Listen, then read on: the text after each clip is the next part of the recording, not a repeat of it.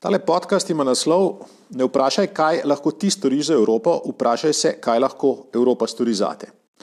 In odgovor na to vprašanje, kaj lahko Evropa stori za vas, prav gotovo ni, da vam zrihta boljšo nutelo.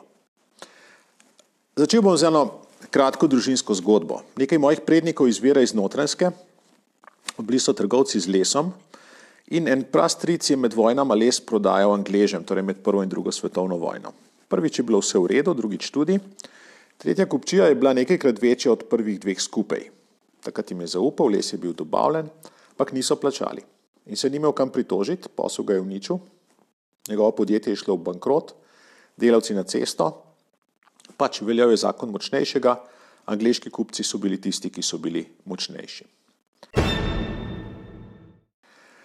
Čas pred volitvami je čas obljub. Nekatere obljube so visoko leteče, obljubljajo ne več, ne manj kot renesanso Evrope. Druge so malo bolj praktične, obljubljajo recimo socialno pravično Evropo, to se krasno sliši. Tretje so povsem praktične. Obljubljajo nove pročnike, javno razsvetljav do naslednje vasi iz evropskih sredstev. Četrte prikazuje evropski proračun kot seštevek milijonov, ki jih je ta ali oni evropski poslanec zrihtal in zdaj le čitamo, kaj vse so naši evropski poslanci do zdaj zrihtali. Zdaj, prav je, da imamo ljudje do unije pričakovanja, državljani, da imamo do unije pričakovanja. Potrebno pa je paziti, kaj si želimo. Namreč za asfaltiranje pločnikov in javno razsvetljavo so bolj kot Brusel poklicani lokalni župani. Za štipendije mladim morajo poskrbeti seveda domača podjetja, lokalne skupnosti, župani, ki se zavedajo primankljaja teh ali onih poklicov v svojem kraju. Za urejeno krajino, obdelovanje zemlje, za gozdove znamo sami menda skrbeti boljše kot uradništvo iz Brusla kaj sploh ostane. Po mojem mnenju je eden glavnih servisov, ki jih Bruselj nudi državam članicam, pa tudi podjetjem in posameznikom ta, da ustvarja red. Red ni nekaj, kar bi si bilo mogoče namazati na kruh, tako kot nutela, ne da se ga prijet, ne da se ga nakazati na bančni račun. Red je nekaj, kar je v zraku, reda se zavemo šele, ko ga ni. In v Evropi, priznajmo, je red, v glavnem je red. Red so pravila, ki omogočajo sožitje in sodelovanje. Red je tisto, kar potrebuje vsak gospodar, da se mu splača pametno gospodariti. Red je tisto, na kar se zanaša vsak zatirani posameznik, ki ga tlačijo krivice. Brusel je generator reda navznoter in navzven. Navzven se ta red kaže v tem, da so evropska pravila zgled za druge države, da evropski red, evropski standardi postajajo globalni standardi. To je prednost za evropsko industrijo, ki je te standarde pomagala postaviti.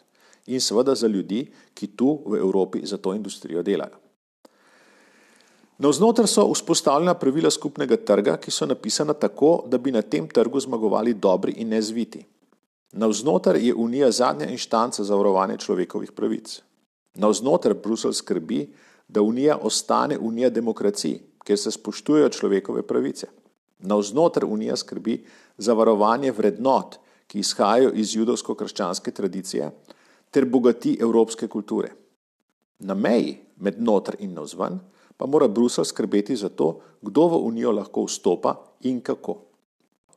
Na področju obvladovanja migracij ima Brusel še kar nekaj dela. Zaradi tega reda je življenje nas, evropejcev, lažje. Svobodno potujemo, izbiramo kraj dela in študija. Podjetjem je na voljo trg s pol milijarde kupcev. Plačo delavci v teh podjetjih zaslužijo z delom za teoretično pol milijarde strank. Na trgu je red, goljufi ne preživijo dolgo. Glavna naloga Brusla je, da ta red vzdržuje. Lahko je bolj redoljuben od Ljubljane. Brusel lahko napiše pravila, če so res potrebna. Ni pa dobro, da bi si izmišljal nova pravila samo zato, da ne bi izgledalo, da v Bruslu ničesar ne delajo.